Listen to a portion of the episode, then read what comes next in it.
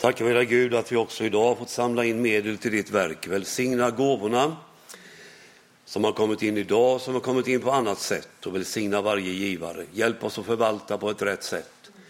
I Jesu namn. Amen.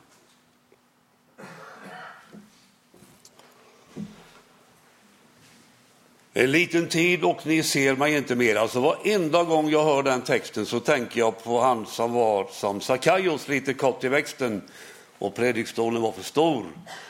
Så han fick ha en låda att stå på när han predikade.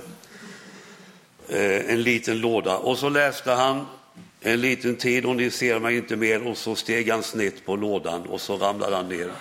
Och så rättade han till det och så kom han upp och så fortsatte han åter en liten tid och ni får se mig. Ja. Så kan det bli.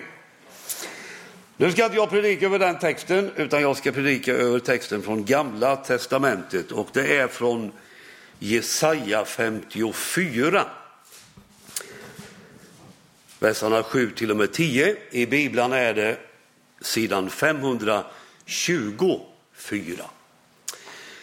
Och vi står upp och lyssnar in den texten. Jesaja 54 och 7. Ett kort ögonblick övergav jag dig, men i stor kärlek tar jag dig åter. Jag dolde mitt ansikte för dig i häftig vrede ett ögonblick. Men evigt trofast visar jag dig nu min kärlek, säger din befriare, Herren. Det är som på Noas tid, då jag svor att Noas flod aldrig mer skulle dränka jorden. Jag svär, så svär jag nu att inte mer vredgas och inte mer rasa mot dig. Om en bergen rubbas och höjderna vacklar skall min trohet mot dig inte rubbas och mitt fredsförbund inte vackla, säger han som älskar dig, Herren. Så lyder Herrens ord. Amen. Varsågoda och sitt. Ett kort ögonblick övergav jag dig, men i stor kärlek tar jag dig åter. Vad handlar detta om, att Gud övergav? Vad handlar det om? Jo, det måste handla om judarnas fångenskap i Babylonien. Jesaja, som vi har läst ur, han verkade ungefär hundra år före fångenskapen och talar profetiskt om både fångenskapen och befrielsen därifrån. För judarna var detta med fångenskap i Babylonien, det var katastrof. Fruktansvärt att bli deporterade till ett främmande folk långt borta. En annan kultur, en helt annan religion. Dessutom templet härdat och förstört, Jerusalems murar nerrivna. Det var katastrof. Saltaren 137 ger oss en liten inblick i den vånda man befann sig i. Så här står det där. Vid Babylons floder satt vi och grät när vi tänkte på Sion. I pilträden som växte där hade vi hängt våra lyror. De som höll oss fångna bad oss att sjunga, de som släpat bort oss bad om glada visor. Sjung för oss en sång från Sion.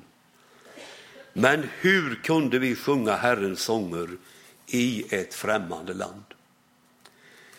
Man kan riktigt känna våndan och smärtan och förtvivlan. Ett ögonblick övergav jag dig. Fångenskapen varade i 70 år. Och det är klart, ur Guds perspektiv, det är tusen år är som en dag, där kan man tänka att 70 år är ett ögonblick. Och jämfört med evigheten så är ju 70 år ingenting. I Saltaren 30 står det, sjätte versen, folkbibelns översättning, ty ett ögonblick varar hans vrede, hela livet hans nåd. Om Guds nåd varar hela livet, täcker hela livet, då måste det betyda att Guds nåd också finns där bakom de ögonblick som är mörka och svåra. Och faktiskt är det så att nåden är av evighet, står det också. Det är skillnad på ögonblick och evighet. Och så läste vi, i stor kärlek tar jag dig åter. Alltså även om judafolket svek Gud, för det var det de gjorde, det var därför det gick illa för dem och fångenskapen blev till.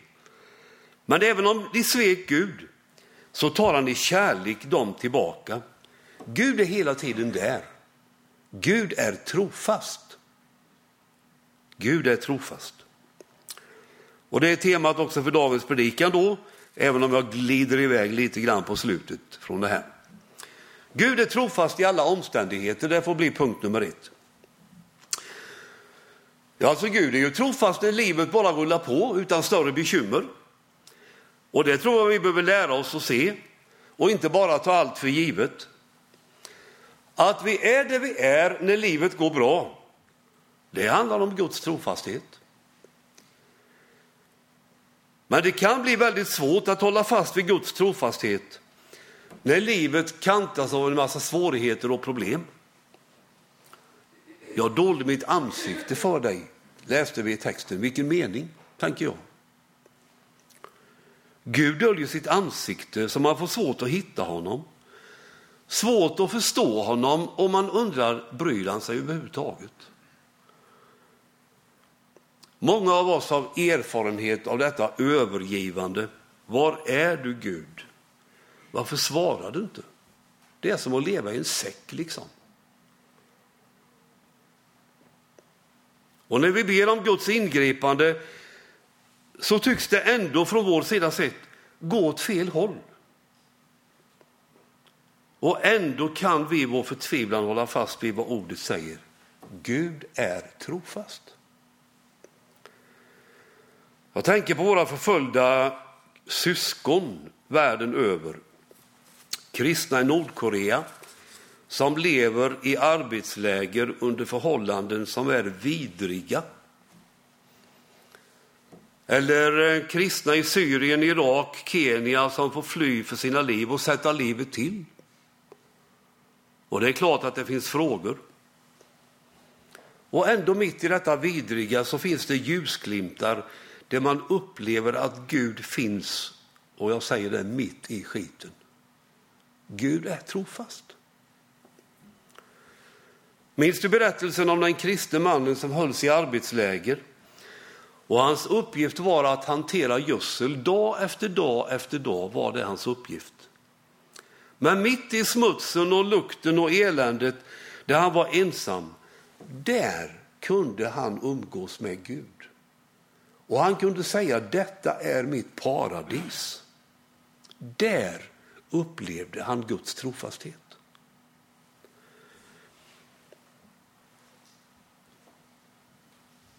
Om vi byter spår och blir väldigt enkla nu.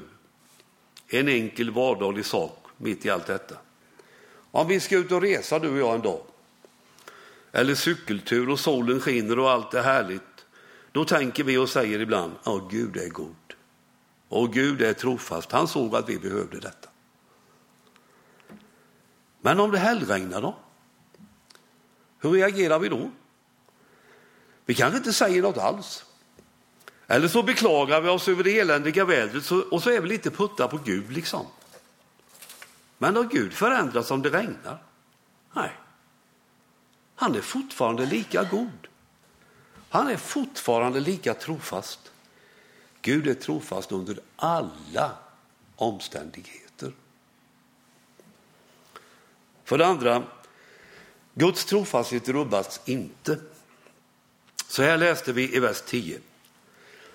Om en bergen rubbas och höjderna vacklar skall min trohet mot dig inte rubbas och mitt fredsförbund inte vackla, säger han som älskar dig, Herre.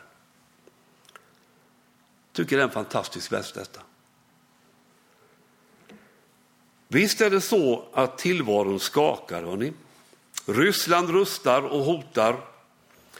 Gränser flyttas över en natt. Flyktingar drunknar, kristna avrättas genom att man skär halsen av dem. Terror och hot breder ut sig. Vi har främlingsfientlighet i Europa och vårt eget land. Moraliska gränser luckras upp. Det går faktiskt att känna igen sig i orden här. Bergen rubbas och höjderna vacklar. Men mitt i allt detta måste vi och får vi hålla fast vid det som vi läste. Min trohet mot dig skall inte rubbas. Vår vänförsamling i Ukraina lever i en situation som just nu är spänd och svår. Även om man inte finns i konfliktsituationer rent geografiskt så har de en situation där de inte vet vart det till sist ska ta vägen med deras land och med dem själva. Det rubbas och vacklar. Ja, men vad har det att ytterst hålla fast i, i den här situationen? Jo, Guds trohet som inte rubbas. Och rätt vad det är börjar det vackla i våra egna liv. Vi kanske hamnar utanför på något sätt, blir missförstådda. Sjukdomen slår till, något händer med barn eller barnbarn. Och våra liv skakar som asplöv liksom. Och kanske någon som lyssnar befinner sig där just nu. Och ändå, mitt i allt det, så talar Guds ord till oss idag och säger Min trohet mot dig skall inte rubbas. I den här versen talas det också om fredsförbund. Ett förbund är ju något slags avtal. Och om vi läser Gamla testamentet så kan vi se hur Gud ingick förbund med Noa och Abraham och Mose. Och förbundet med, med Mose handlade ju om lagens förbund. Men så kommer Kristus och han har ett prästämbete som är vida överlägset det som fanns i det gamla förbundet. Och han, står det i Hebreerbrevet, förmedlar ett bättre förbund som är stadfäst med starkare luften. Så står det. Den gamla helgedomen i gamla testamentet, den hade sin tid. Men så står det så här i Hebreerbrevet 9 och 11. Men nu, står det, lägg märke till det, men nu har Kristus trätt fram som överste präst för det goda som ska komma. Han har gått igenom det större och fullkomligare tält som inte är gjort av människohand, det vill säga inte tillhör denna världen. Och med sitt eget blod har han en gång för alla trätt in i helgedomen, alltså i himlen, och vunnit befrielse åt oss för evigt. Detta är i korta ord det nya förbundet. Det som Jesus har gjort för oss när han gav sitt liv på korset. Det är ett säkert förbund, för det är gjort en gång för alla. Det vacklar inte. Sen må jord och himmel falla, fast består min sällhets grund, står det i en av våra psalmer. Fredsförbundet vacklar inte. Guds trofasthet mot dig rubbas inte. Det vill jag du ska komma ihåg. För det tredje, Herren älskar dig. Titta hur vår text slutar. Det har talats om trohet som inte rubbas och fredsförbund som inte vacklar. Och så kommer det, säger han som älskar dig, Herren. Då, Herren älskar dig. Vågar du tro det? Och vågar jag tro det? Vi är ett nätverk med pastorer och en församlingspedagog med, är med ibland. Och träffas fyra gånger per termin. Vi fikar, vi samtalar och vi ber. Senaste gången kom någon in på detta hur viktigt det är att vi i våra liv landar i detta att vi alltid är älskade av Gud. När vi samtalade om detta sa jag att jag har själv haft och har väldigt svårt att ställa in mig själv där att jag verkligen är älskad. Riktigt älskad. Alltid. Och ändå säger texten det, han som älskar dig, Herren. Men ibland är det svårt. Han hade nog rätt i sina funderingar, broder Wilfrid, och jag har berättat det många gånger, men jag tar det igen. Han fick ju en gång en kallelse till en församling för att predika. Och när han frågade prästen i den församlingen vad han önskade att han skulle predika om, predika om vad det skulle vara för ämne, så svarade prästen, du får predika om vad du vill. Utan detta att Gud älskar oss, för det vet vi redan, sa prästen. Och broder Wilfrid frågar när han skriver det i sin bok. Men, men vet vi det? säger han. Men vet vi det? Ibland är det svårt att ta in och landa i det. Men vi får påminnas och påminnas genom vad Bibeln säger. I Jeremia 31 och 3 kan vi läsa Med evig kärlek älskar jag dig. Alltså, du har alltid funnits i Guds tanke. Du har alltid varit och är alltid älskad, för Gud förändras inte. På konfirmationsundervisningen brukar vi säga, du kan ingenting göra så att Gud älskar dig mer. Och du kan ingenting göra så att Gud älskar dig mindre. Och egentligen är det så att hela Bibeln på sida efter sida är ett enda stort kärleksbrev.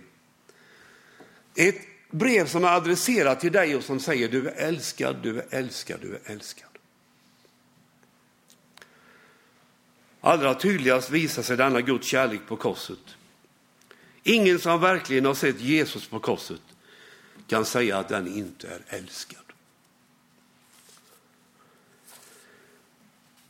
Så har jag några ord om en fjärde punkt, skatten.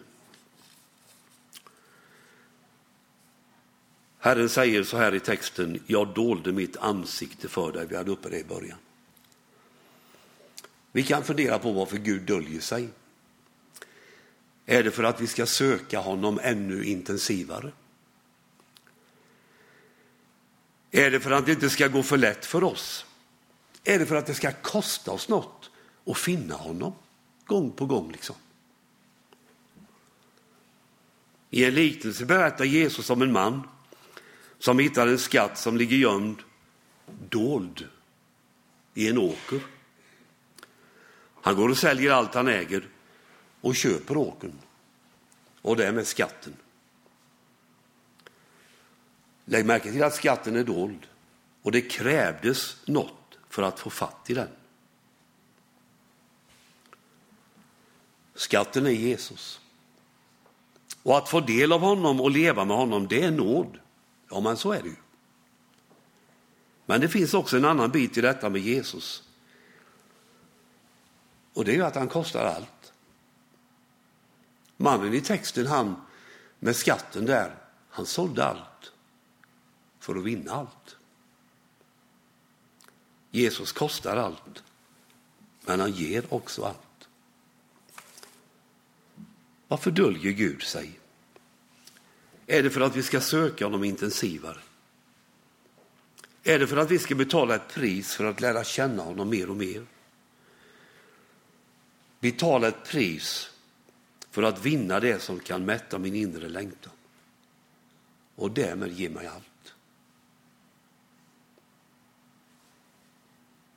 Herre, helga oss genom sanningen. Ditt ord är sanning. Amen.